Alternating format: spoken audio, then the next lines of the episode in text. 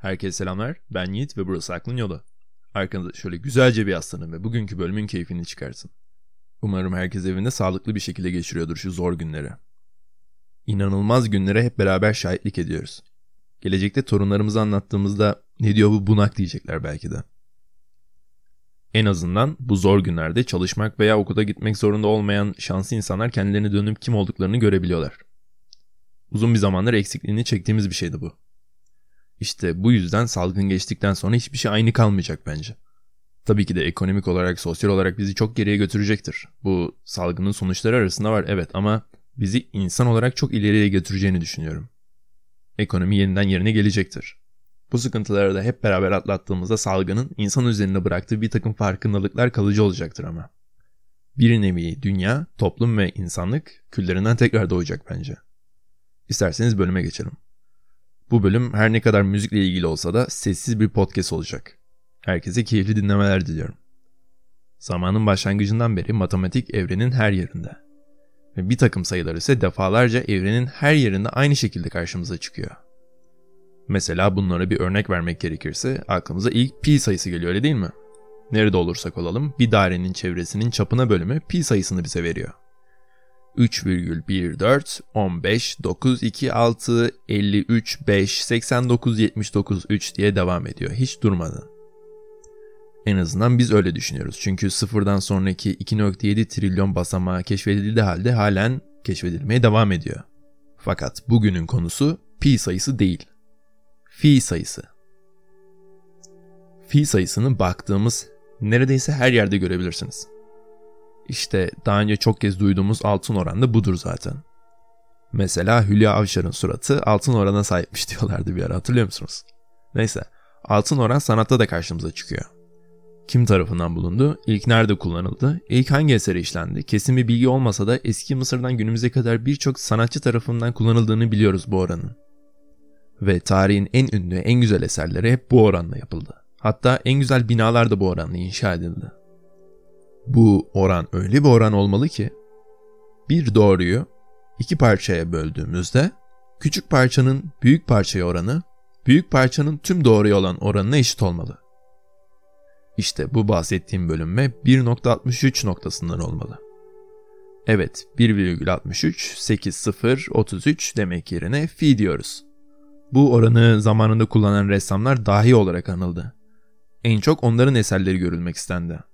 Son Akşam Yemeği tablosunda, Mona Lisa'da, Da Vinci'nin insan vücudu çiziminde, Salvador Dali'nin The Sacrament of the Last Supper eserinde, Michelangelo'nun The Creation of Adam eserinde karşımıza çıkıyor bu oran. Evet anlayacağınız gibi birçok kez bu oranı gördük. Peki bu oranı duyabileceğinizi biliyor muydunuz?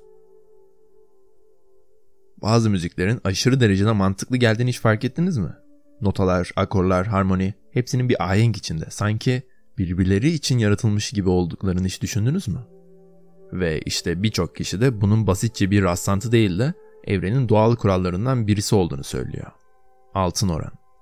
Filozoflar tarafından bu oranın her zaman çok büyük bir anlamı olduğu düşünüldü. Ve hatta kendisine ilahi oran bile denildi. İşte bu da bizi Fibonacci serisi denilen seriye götürüyor. Matematik derslerinde Fibonacci serisini görmüşsünüzdür. Sıfırdan başlar 1 ile devam eder ve sonraki gelecek olan sayı ondan önceki iki sayının toplamıdır. Yani 0, 1 diye başlıyor. 0 ile 1'in toplamı 1, 1 ile 1'in toplamı 2, 2 ile 1'in toplamı 3, 3 ile 2'nin toplamı 5, 5 ile 3'ün toplamı 8, 8 ile 5'in toplamı 13. Yani 0, 1, 1, 2, 3, 5, 8, 13 diye devam eden bir seri bu. Peki Fibonacci bu seriyi nasıl buldu? Daha önce Fibonacci'nin tavşanlarını hiç duymuş muydunuz? İtalyan matematikçi Fibonacci yazdığı matematik kitaplarının birinde tavşan çiftliği olan bir arkadaşıyla ilgili olduğunu iddia ettiği bir problem sunar. Bu probleme göre arkadaşının çiftliğindeki tavşanlar doğdukları ilk iki ay yavru yapmazlar. Ve üçüncü aydan itibaren her çift her ay bir çift yavru yapar. Buna göre Fibonacci'nin arkadaşı bir çift tavşanla başlarsa kaç ay sonra kaç çift tavşan olur? Soru bu. İlk ay yeni doğmuş bir çift tavşanımız olsun. İkinci ayda bu tavşanlar henüz yavrulayamadıkları için hala bir çift tavşanımız var. Üçüncü ay bunlar bir çift yavru verecek ve iki çift tavşanımız olacak. Yeni doğan çift dördüncü ay doğurmayacak. Oysa anaları babaları yeniden bir çift yavru yapacak ve toplam üç çift tavşanımız olacak. 5. aya gelindiğinde ilk doğan yavrular bu ay artık yavru yapabilecekler ve bir çift yavruyu da onlar yapacaklar. Anaları babaları da yavru yapacak. Bu şekilde 5 çift yavrumuz olacak. Seri bu şekilde devam ediyor. İlk ay 1, ikinci ay 1, üçüncü ay 2, dördüncü ay 3, beşinci ay 5 çift yavru. Fark edeceksinizdir ki bu şekilde ilerleyen seri Fibonacci serisi olarak adlandırılıyor. Peki bu Fibonacci serisinin altın oranla ne ilgisi var? Fibonacci sayısı ilerledikçe birbiriyle ardışık gelen iki rakamın oranı gitgide fi sayısı olan 1.63'e yani altın orana yaklaşıyor. Ve şundan eminiz ki eğer yeteri kadar sayabilseydik bu oran ile fi sayısına ulaşabilirdik. Peki Fibonacci ile müziğin nasıl bir ilgisi var? Hemen söyleyeyim. Aynı altın oranın ressamlara getirdiği başarı ve ün gibi altın oran aynı zamanda klasik müzik besteciler için de çok gerçek. Bunun ilk örneklerinden biri Macar besteci Bela Bartok tarafından müzikte kullanıldı. Silofon eserinin solosunun girişinin üçüncü kısmında ritim ve vuruşlar şu şekilde değişiyor. 1, 2, 3, 5, 8 ve sonra tekrardan 5, 3, 2, 1 olarak.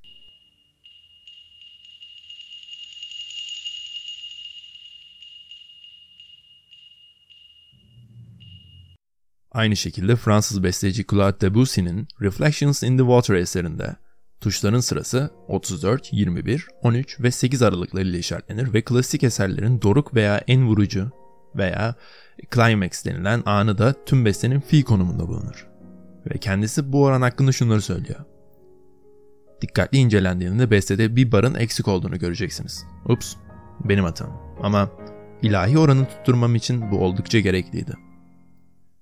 Aynı zamanda Beethoven 5. senfonisi 67. bölümünde sırf altın orana uymak için yaklaşık 20 tane barı besteden çıkarttığı görülmektedir. Fakat yazar Leon Harkelroth, sanırım doğru okudum ismini, matematik ile müziğin asla bir araya gelmemesini savunan tarafların başına gelmekte. Müzik ve matematiğin arasındaki en yanlış yönlendirilmiş girişimlerden bazıları altın oranı içeriyordu diyerek bunu herkese paylaşmıştır. Peki sizce müziğin matematiği veya altın oranı gerçek mi? Gerçekten altın orana sahip besteler kulağa daha iyi geliyor mu? Bunun için en çok sevdiğim besteci Sebastian Bach. Ah kafanımızı çevirelim istiyorum. Aslında Bach'ın çok bilinen bir eseri değil. Bitmiş bir eser de değil. Aslında başta kendi eseri de değil. Bir ilahiyi kendince polifonik bir şekilde yorumlaması biraz da süslemesi. Polifoni orta çağdan gelir ve tam anlamıyla Avrupalı bir müzik yapma şeklidir. Her müziğin, her enstrümanın kendi melodisi olduğu ama bir araya gelince bir harmoni oluşturdukları fikridir aslında. Bach'ın atası olan Palestrina, polifoni içerisinde adeta yüzerdi. Fakat bence sadece Bach melodik anlatımıyla harmoniyi kusursuz bir şekilde harmanladı. Aynı zamanda anlaması neredeyse imkansız bölümün konusu da olan mistik sayıları da müziğine ekledi. Yüksek olasılıkla Fibonacci temelli sayıları yani. Birkaç tane de ilginç bilgi vereyim isterseniz.